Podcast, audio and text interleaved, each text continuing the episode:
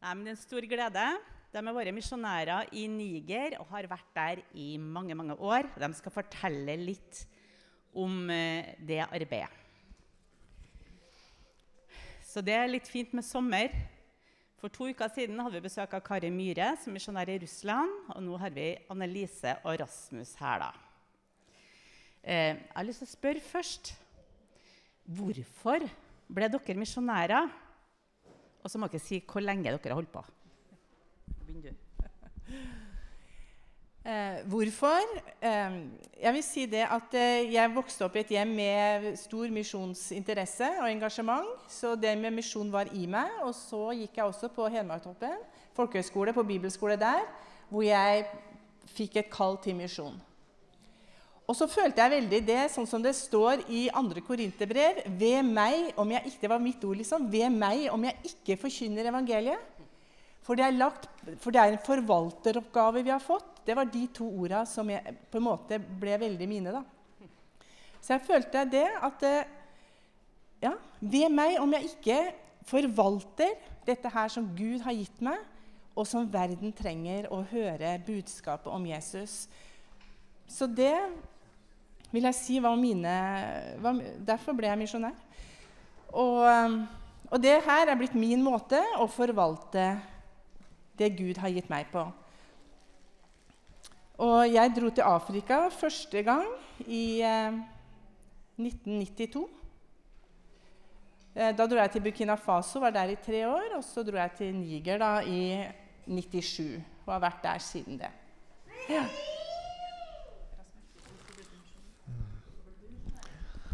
Ja, jeg var vel en eh, kan tenke meg en 14-15 år eller noe sånt. Og da leser jeg ei bok om en uh, mann som hadde fått et sterkt kall av Gud. Og plutselig så slo det meg. Hjelpe meg, Rasmus. Her er du et Guds barn, og du har ikke noe kall over livet ditt. Du aner ikke hva Gud vil bruke deg til. Og så gikk jeg inn for Gud i bønn, og jeg ba lenge.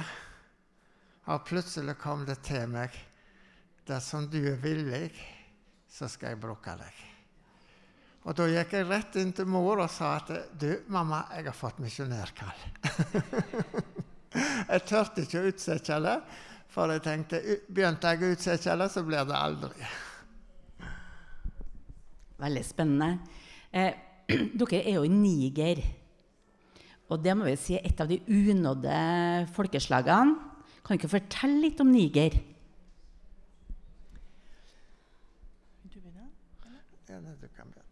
Eh, Niger det, et, det, ligger da i eh, Vest-Afrika. Sahara kommer inn i nord, så det er jo et eh, så folk bor på den eh, sørlige stripa. Det er ca. 24 millioner mennesker. Når vi kom dit på slutten av 90-tallet, så var det 8 millioner. Og nå er det 24 millioner. Det er det landet med flest fødsler per kvinne. Det er sju.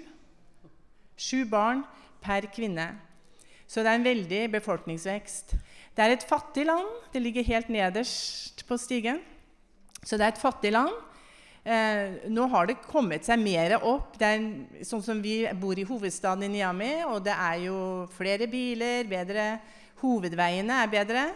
Eh, veldig stor Ja, man har funnet olje eh, i Niger. Og det har fått eh, økonomien opp. Men det vi ser, det er vel at det utvikler seg en, eh, en liten elite. Og at befolkninga generelt eh, i, er veldig fattige. Og eh, analfabetismen ligger på ca. Analfabetismen ligger på 80% Så kan si ca. 20% kan lese og skrive. Og skole, skolesystemet også fungerer eh, rimelig dårlig. Det gjør det. Så det er et fattig land, og det er et muslimsk land. Det er eh, 99 hvis vi er snille, muslimer.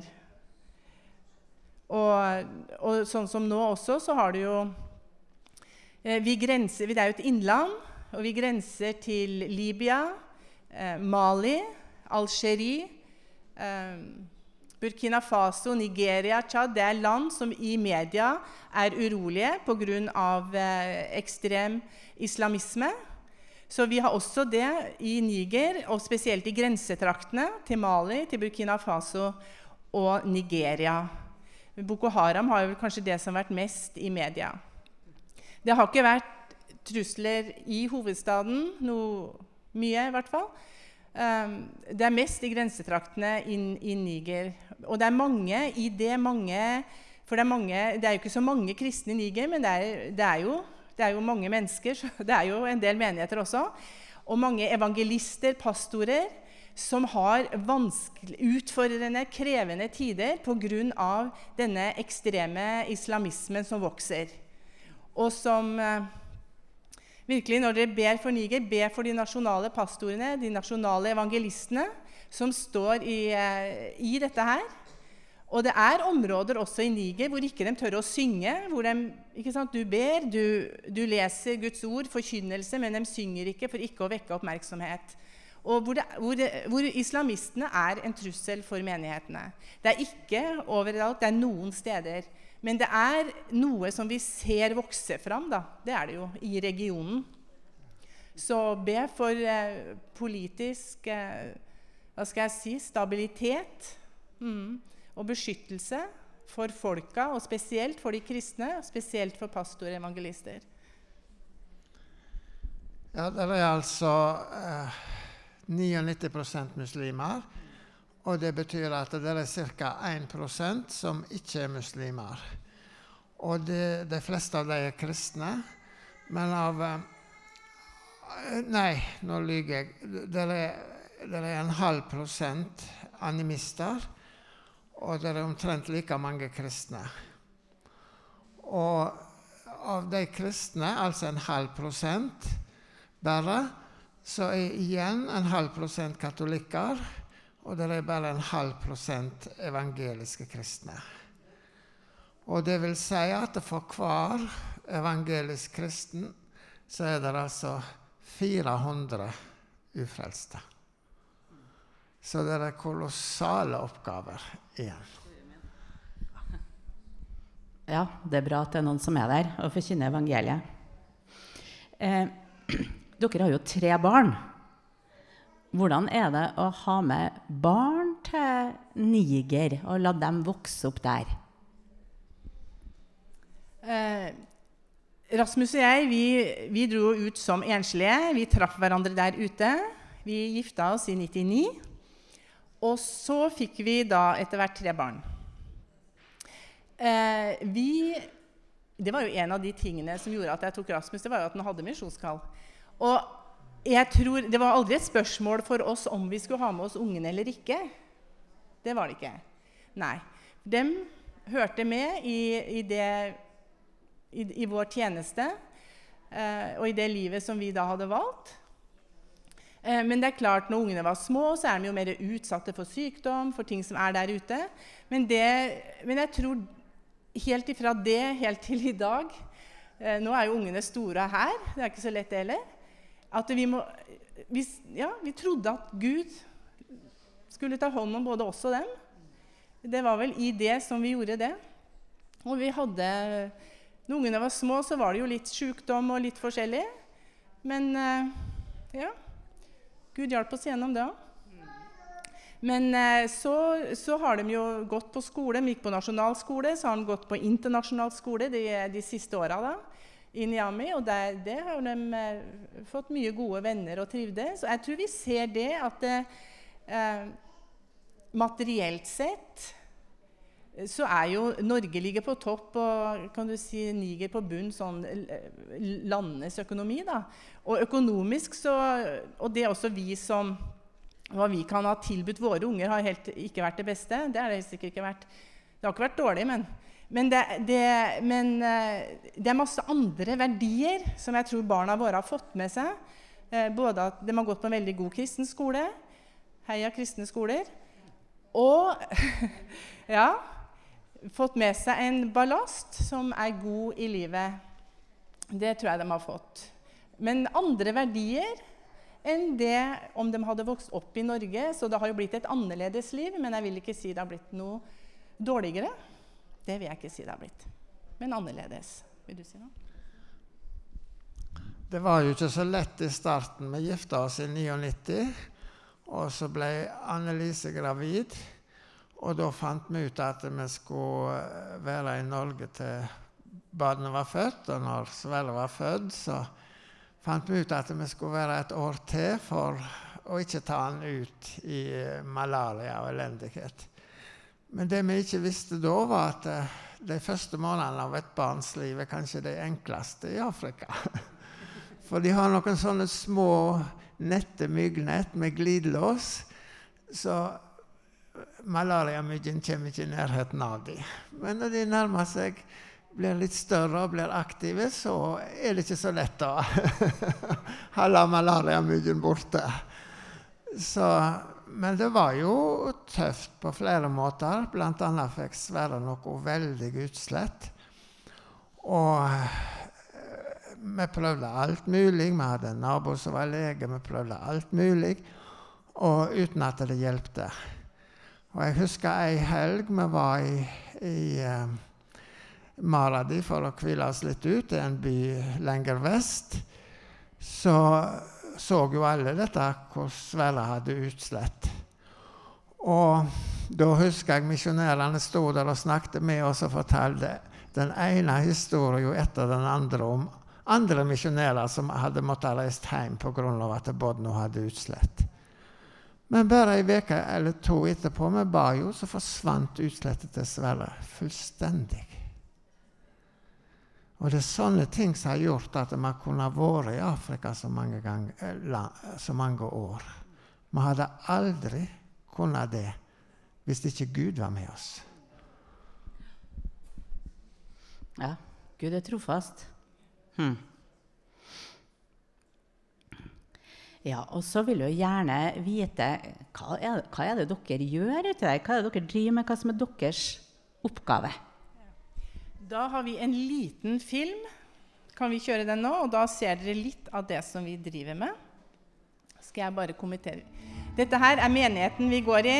Den heter Hosanna. Det er den misjonen vi er knytta til der ute. Dette er fra et søndagsmøte.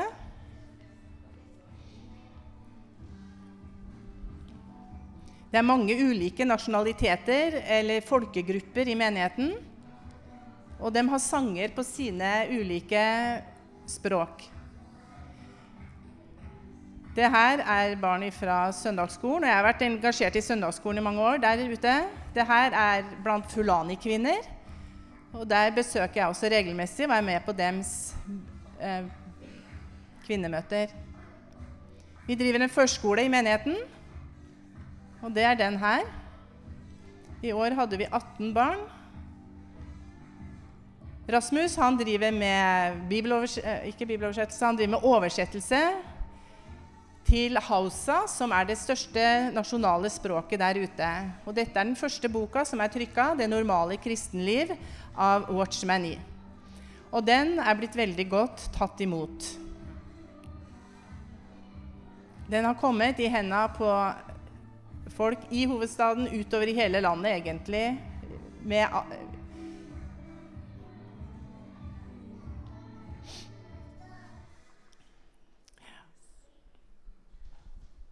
Det er jo kjempeviktig at uh, det blir gitt kristen litteratur når de først begynner å lære å lese. Noen har sagt at ja, de kristne lærer folk å lese, og så kommer kommunistene og gir dem litteratur. Det skal ikke vi ha noe av. De må få kristen litteratur, sånn at de blir kjent med Gud på flere måter. Men ett spørsmål til til slutt. For nå reiser dere igjen ut uten barn. Hvordan ser dere på den situasjonen, og hva er det dere vil gjøre framover nå?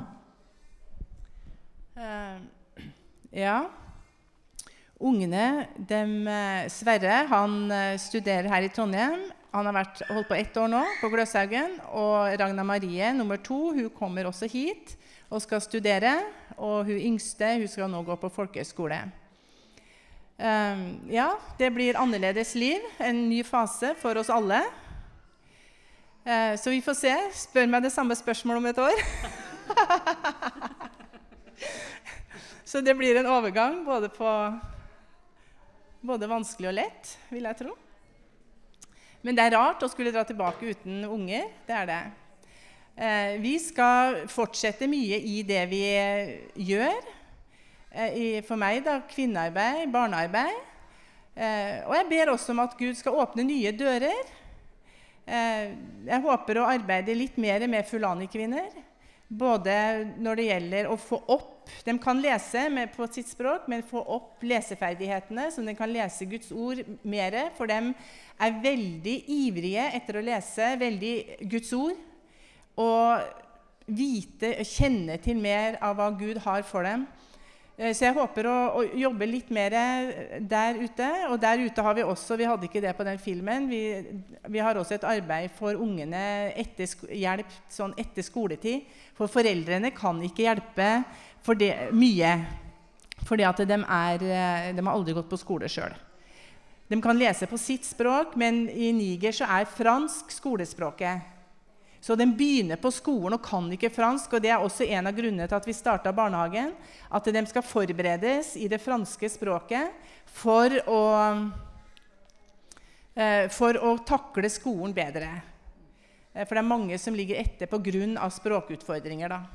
Eh, ja, så det skal jeg fortsette med. Og så har Anne Lise en stor og viktig oppgave som hun, hun ikke har nevnt, men som hun sikkert vil holde framme. Skal du holde meg til utstilling? Og det er at hun tar masse tid til å snakke med Bodno på Internett. Og det er jeg sikker på hun vil holde framme. Ikke det at jeg ikke har kontakt med dem, men hun har tatt masse tid, og de har ofte hatt timelange samtaler. Så det er en god ting da i våre dager at vi kan, selv om vi er fysisk langt fra hverandre, at vi kan ha kontakt. da. Så det har vi jo. Ja. Så jeg har jo her den boka du så på filmen.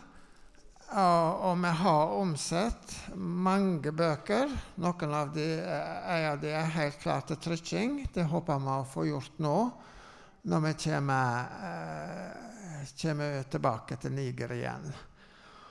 Og eh, videre så har vi andre bøker på gang. Det er veldig liten kristen litteratur i Niger. Det er veldig lite. Mange pastorer og sånn, spesielt ute i landsbyene, de har bare Bibel. Ingenting annet. Og jeg tror det vil være veldig verdifullt for dem å, å ha andre kristne bøker. En annen ting er det at uh, disse Boko Haram og Al Qaida og, og IS de har altså, som Annelise nevnte, fått stor eh, innflytelse og er ganske sterke i store deler av Niger. Lenge har det vært sånn nå at vi hvite misjonærer vi har ikke kunnet forlate hovedstaden uten militær eskorte. Og det er så dyrt at i praksis kan vi ikke gjøre det. Men bøker kan vi sende over hele landet, og de kommer fram til de mest uh, avsidesliggende områder. Så uh, når det gjelder Bodno, så er det sånn at uh, det har jo blitt litt gradvis, da. Først reiste jo Sverre hjem til Norge, og så Ragna Marie i fjor. Og nå til slutt Kjellaug blir igjen i Norge. Så det er ikke noe sånt som har skjedd over natta. Men jeg sa det til Annelise i dag morges at hvis vi oppfatter Guds vilje rett, og Gud vil ha gjort noe gjennom oss, så er han nødt til å syte for tre ting. Det første, det er eh, Det er eh, helsa vår. Blir vi syke, så kan vi jo ikke holde fram. Det andre det er økonomien. Hvis vi ikke har mat på bordet, så kan vi heller ikke holde fram. Og det tredje det er båtene våre. Hvis det ikke går bra med Bodno i Niger, så kan vi heller ikke holde fram. Så vi er avhengige. Det, det er jo Når en gjør noe slikt som vi gjør, det er jo et trosprosjekt. Vi er avhengige av at Gud er trufast. Ellers vil det aldri fungere. Men Gud minte meg i dag morges på Paulus når han var på vei til Rom. Og, og de var ute i den fryktelige stormen. Og Gud sa til ham, 'Jeg har gitt deg alle disse 276 personene som jeg gave. Og da tenkte jeg med meg kunne Gud i Paulus to, ta seg av 276 personer i en så vanskelig situasjon, så kan han vel ta seg av våre tre òg. Eh, tusen takk. Dette var veldig interessant og nyttig. Ja. Ja. Mens jeg har mikrofonen, da, så vil jeg takke dere for trofast støtte økonomisk gjennom flere år, og, og for forbønn. Vi ser mer og mer betydningen av at folk står med oss i bønn. Så takk skal dere ha for at dere er gode støtter med oss i arbeidet. Ja, og vi skjønner jo at vi har en jobb å gjøre her hjemme også, med både forbønn og økonomisk støtte. Eh, nå skal Rasmus forkynne Guds ord, og så tenker jeg at vi skal be for dem på slutten av møtet. Mm. Yes, Vær så god, Rasmus. Ja, det var kjekt å komme hit. Og det er òg kjekt å se ganske mange nye ansikt. Det syns jeg er veldig flott. Og på sommeren, slik i juli, å finne lokalet så fullt, det er ikke selvsagt i dag. Så det gleder jeg meg veldig over. Det sier noe om at, at Gud virker. Jeg har lyst til å lese litt i dag ifra Paulus sitt første brev til Timoteus, fra det første kapitlet. Det er noe som har vært veldig på mange måter en veldig kamp for meg, men som har vært veldig viktig.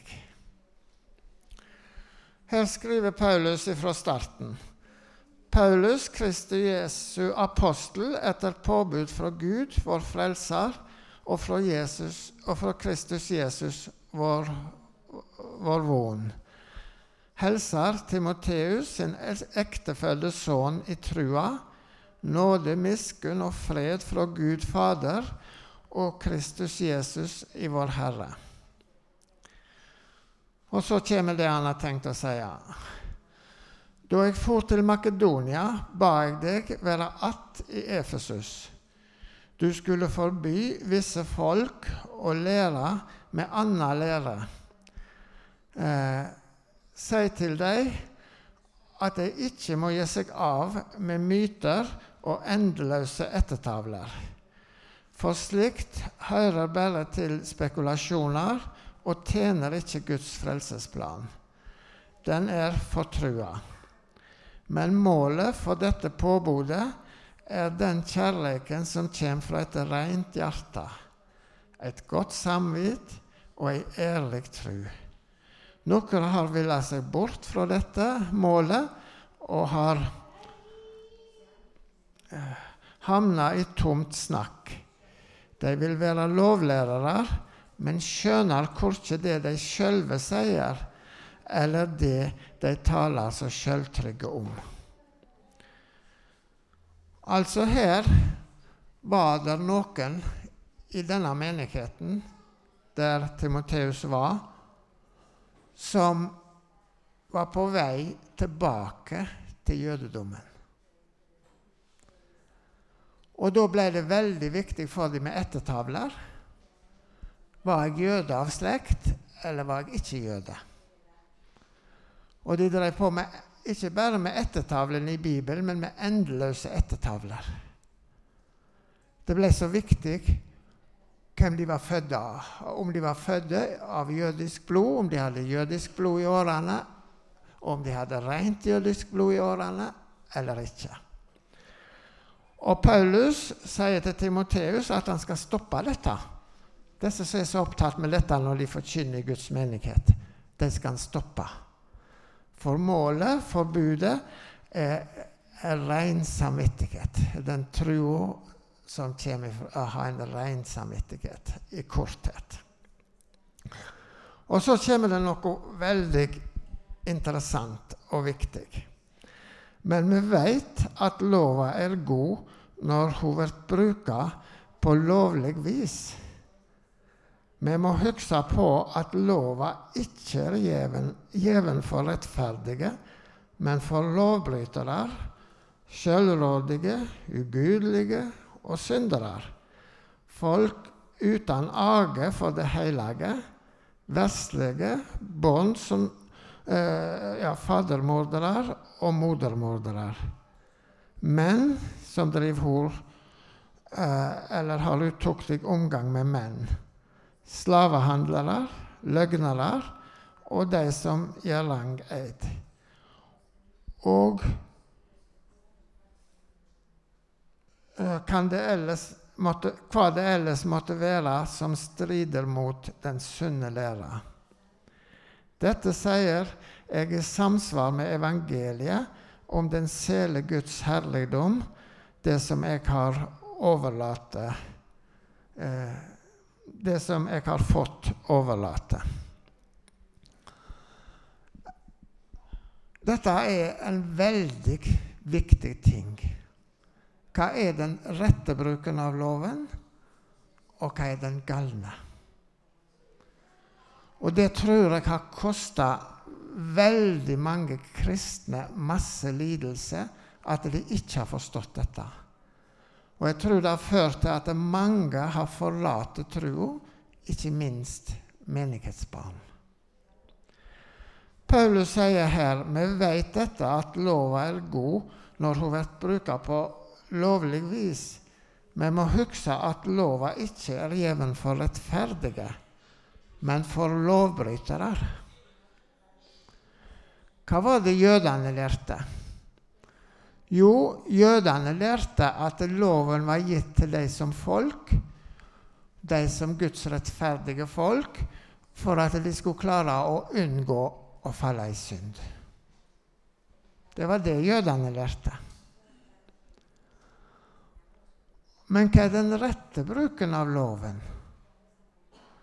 Jo, det står den er ikke gitt for rettferdige, men for syndere. Sett nå f.eks. at jeg møter en narkoman. Hva er vitsen med å minne han på Guds lov? Han kan jo ikke gjøre ugjort alle de innbruddene han har gjort for å få penger til stoff, og alt det vonde han har gjort. Han kan jo ikke gjøre det ugjort. Hva er da vitsen med å minne han på Guds lov? Eller om jeg møter en morder. Han har myrda. Han kan jo ikke gjøre det ugjort. Hva er da vitsen med å tale til en sånn person og si Guds ord sier du skal ikke slå i hjel?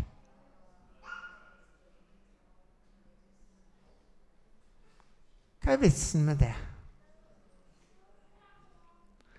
Jo, det er faktisk slik at alle mennesker som lever i synd rundt om i denne verden, de bringer unnskyldninger i hjertet sitt for det vonde de har gjort. En morder kan f.eks. si hadde du levd i lag med den personen, så hadde du kanskje drept han du òg. For oss høres det rart ut, men alle syndere unnskylder det vonde de har gjort. Og derfor så trenger de Guds lov. De trenger å høre at det er ingen unnskyldning for det du har gjort innenfor Gud. Og det er veldig viktig. Paulus lista opp de forskjellige eh, forskjellige typer synd som folk gjør, som her. Og han sier disse, for disse er Guds lov. Og blant de han lista opp, er jo de homofile. De homofile er et veldig De trenger Guds lov så sårt i dag. Alle heier på dem. Det er så flott med kjærligheten. Og jeg tror mange av dem de forstår ikke at Guds ord forbyr dette, og at hvis ikke de omvender seg, så går de fortapt. De trenger det så sårt at noen viser dem Guds ord. Når jeg var ung, så kjempa jeg veldig mye med homofile tanker. Og det som berga meg, det var Guds lov. Guds lov dreiv meg til Jesus. Jeg visste at hvis ikke jeg får seier over dette, så kommer det til å gå galt med meg. Og det er veldig viktig å være klar over. For Guds lov dreiv meg til Jesus. Og jeg kan fortelle dere at jeg gikk til forbønn, og på møter så gråt jeg ofte så mye. Jeg så ikke noe håp. Men jeg visste det var bare Jesus som kunne hjelpe meg. Men hvis ingen hadde sagt at dette var synd, så hadde jeg vel levd mine glade dager. Og aldri fått seier over det. Aldri komme ut av det. Og dette er så viktig at vi forstår. Er vi villige til å si til folk i dagens samfunn at de må omvende seg? Det er så utrolig viktig, dette. Og uh, Jesus sier noe veldig alvorlig i Johannes 12. Han sier at om noen ja, Nå gjengir jeg det fritt. Om noen har mine bud og ikke følger de, så dømmer ikke jeg han, sa Jesus. For jeg er ikke kommet til verden for å dømme verden, eh, men for å frelse. Men den som ikke hører på mine ord, sier han, han har den som dømmer han. De ord jeg har talt, skal dømme han på den siste dag. Ergo, med på dommens dag så skal vi ikke bli dømt etter Moselova, men etter om vi har fulgt Jesu ord. Og Dette gjør meg òg veldig vondt når jeg ser den åndelige situasjonen i Norge. Jesus sa jo i bergpreika at den som skiller seg ifra kona si og gifter seg med ei annen, gjør hor. Dette skal vi dømmes etter. Vi skal ikke dømmes etter Moseloven. Det er veldig alvorlig. Tør vi advare folk sånn som vi burde? Tør vi det? Advare folk sånn som vi burde? Eller er det liksom bare Ja, Jesus mente det nok ikke så alvorlig. Eller det er så mange unnskyldninger. Den der ektefellen var så vanskelig. Men igjen Guds bud er gitt for å ta vekk unnskyldningene våre. Vi unnskylder oss for alle mulige ting. Derfor trenger vi Guds lov til å bringe oss til Jesus. Og, og Jesu ord til å bringe oss inn til Han. Og nå har jeg lyst til å spørre Og da forstår vi hva som er vitsen med å forkynne for syndere, for folk som allerede har falt i synd. Vitsen er, som det står i Galaterbrevet, at Guds ord, at, at loven er vår tuktemester til Kristus. Den drar oss til Kristus. De sier, På gresk så står det 'loven er vår pedagog til Kristus'. Og på den tid hadde de noen folk som ja, Det har jo alltid vært problemer med umotiverte barn. På den måten hadde, hadde de noen egne folk som tok de med seg hjemmefra til skolen. I Niger er dette et stort problem. Umotiverte barn de sier jeg skal gå på skolen, og så drar de på byen. Og så kommer de hjem til rett tid, og foreldre tror de har vært på skolen, og så har de ikke det. Men da må en ikke, som en lærer sa på Misjonshøgskolen, da må en ikke tenke på dagens mjuke pedagogikk. De tok hardt i båtene på den tida. Så, så, Guds lov det er vår toktemester til Kristus. Det får oss til å slutte å unnskylde oss.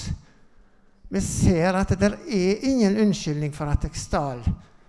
Vi ser at det er ingen unnskyldning for at jeg lurte skatt. Det er ingen unnskyldning for at jeg gjorde ditt og jeg gjorde datt som var gale. Og så fører det oss til Kristus. Så derfor sier Paulus at loven er ikke gitt sånn som jødene sa for at en skal klare å unngå å gjøre noe galt. For loven har ikke kraft i seg til det. Det leser vi om i Romerne 7. Det gode som jeg vil, gjør jeg ikke. Det vonde som jeg ikke vil, det gjør jeg. Loven aktiverer kjødet og min egen kraft. Jeg prøver så godt jeg kan. Nåden aktiverer Den hellige ånd. Der Guds nåde blir forkynt, der vil Den hellige ånd komme med sin fred og med sin godhet. Men likevel er altså loven nødvendig for å ta bort unnskyldningene våre. Sånn at vi går til Jesus. Og, men hvordan var det Altså, jødene brukte loven for at den ikke skulle falle. Men de brukte òg loven når noen hadde fallet. Det kan vi lese om i kvinner som var grepen med hor. Og da brukte de loven på den måten at, eh, at eh, de ville dømme henne til døden. Og vi vet du hva som skjedde. De minte Jesus på at Moseloven sier at sånne kvinner skal dø. Hva sier nå du? Og, og eh, da vet vi òg hva som skjedde. Jesus bøyde seg ned, og de sto og anklagde. og Han retta seg opp igjen og sa den som er uten skyld, la han kaste den første steinen. Og da forstår vi at det er ikke mange av oss som kvalifiserer for det. Og det kan vi like godt glemme. Og så sto Jesus alene med kvinnen og sa, 'Heller ikke jeg fordømmer deg.' Gå bort og synd ikke mer. Men jeg har lyst til å spørre dere noe. Hadde denne kvinna noe gagn av loven? Det er et litt vanskelig spørsmål. Hadde hun noe gagn av Guds lov?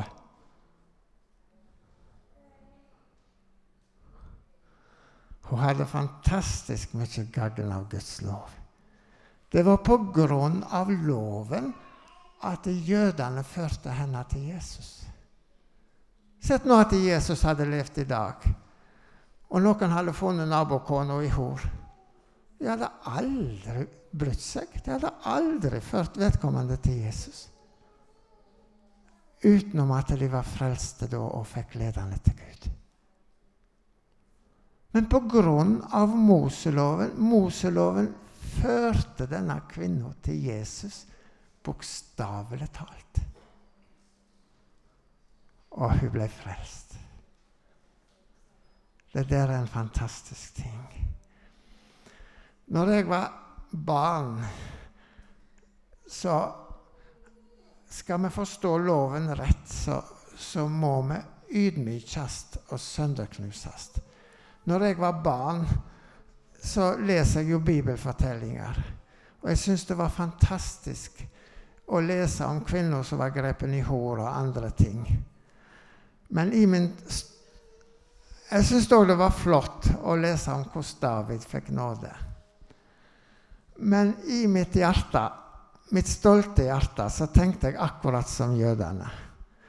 Jeg tenkte at jeg må lære Guds bud, så jeg kan unngå å falle i de og de syndene. For det er jo så pinlig. Tenk om jeg skulle stjele og bli knepen, og alle skulle få vite at Rasmus var en tjuv. Tenk om jeg skulle lyge, og alle skulle oppdage at, at jeg for rundt og løy. Og så begynte jeg å streve i egen kraft. Og vet du hva? Jeg fikk det veldig, veldig vondt. Og jeg klarte ikke å leve etter loven.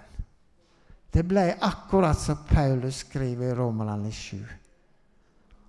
Det gode som jeg vil, det gjør jeg ikke. Og det vonde som jeg ikke vil, det gjør jeg.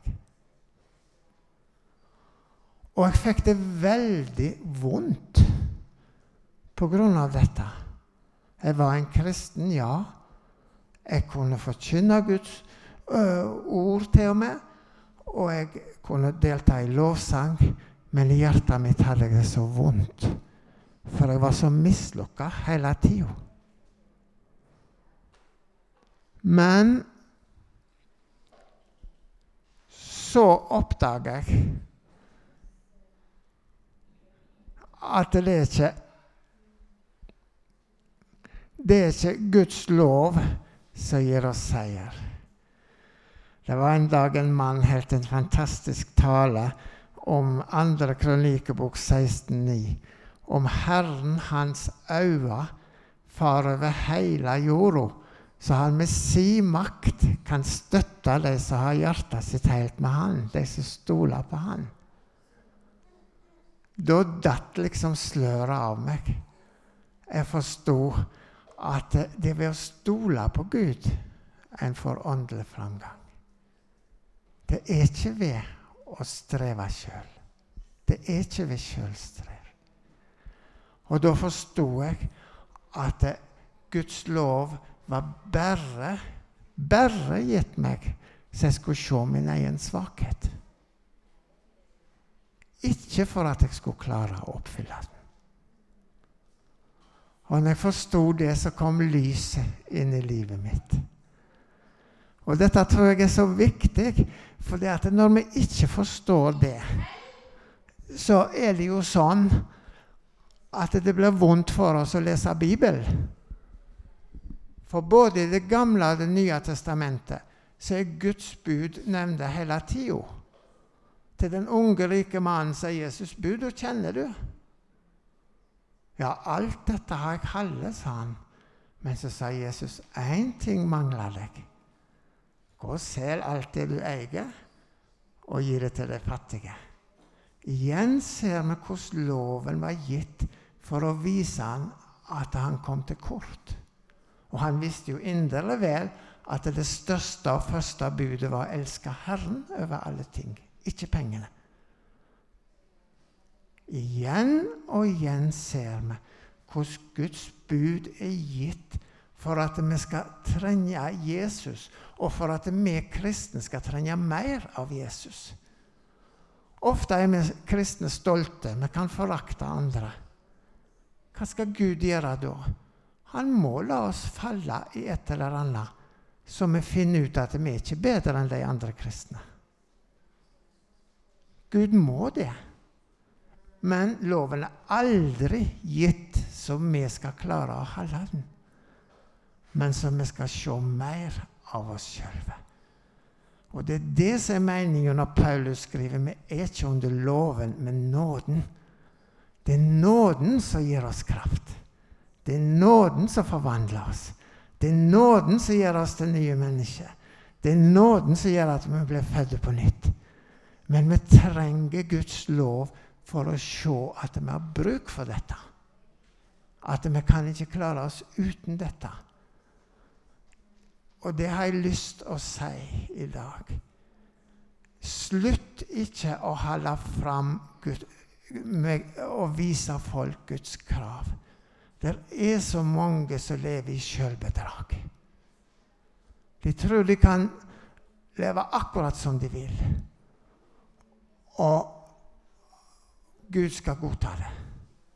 Men det er ikke sant. Gud vil vi skal omvende oss når vi har synda. Og få del i nåden. Få del i Hans kraft. Som er mektig sjøl til å reise folk opp ifra de døde. Amen.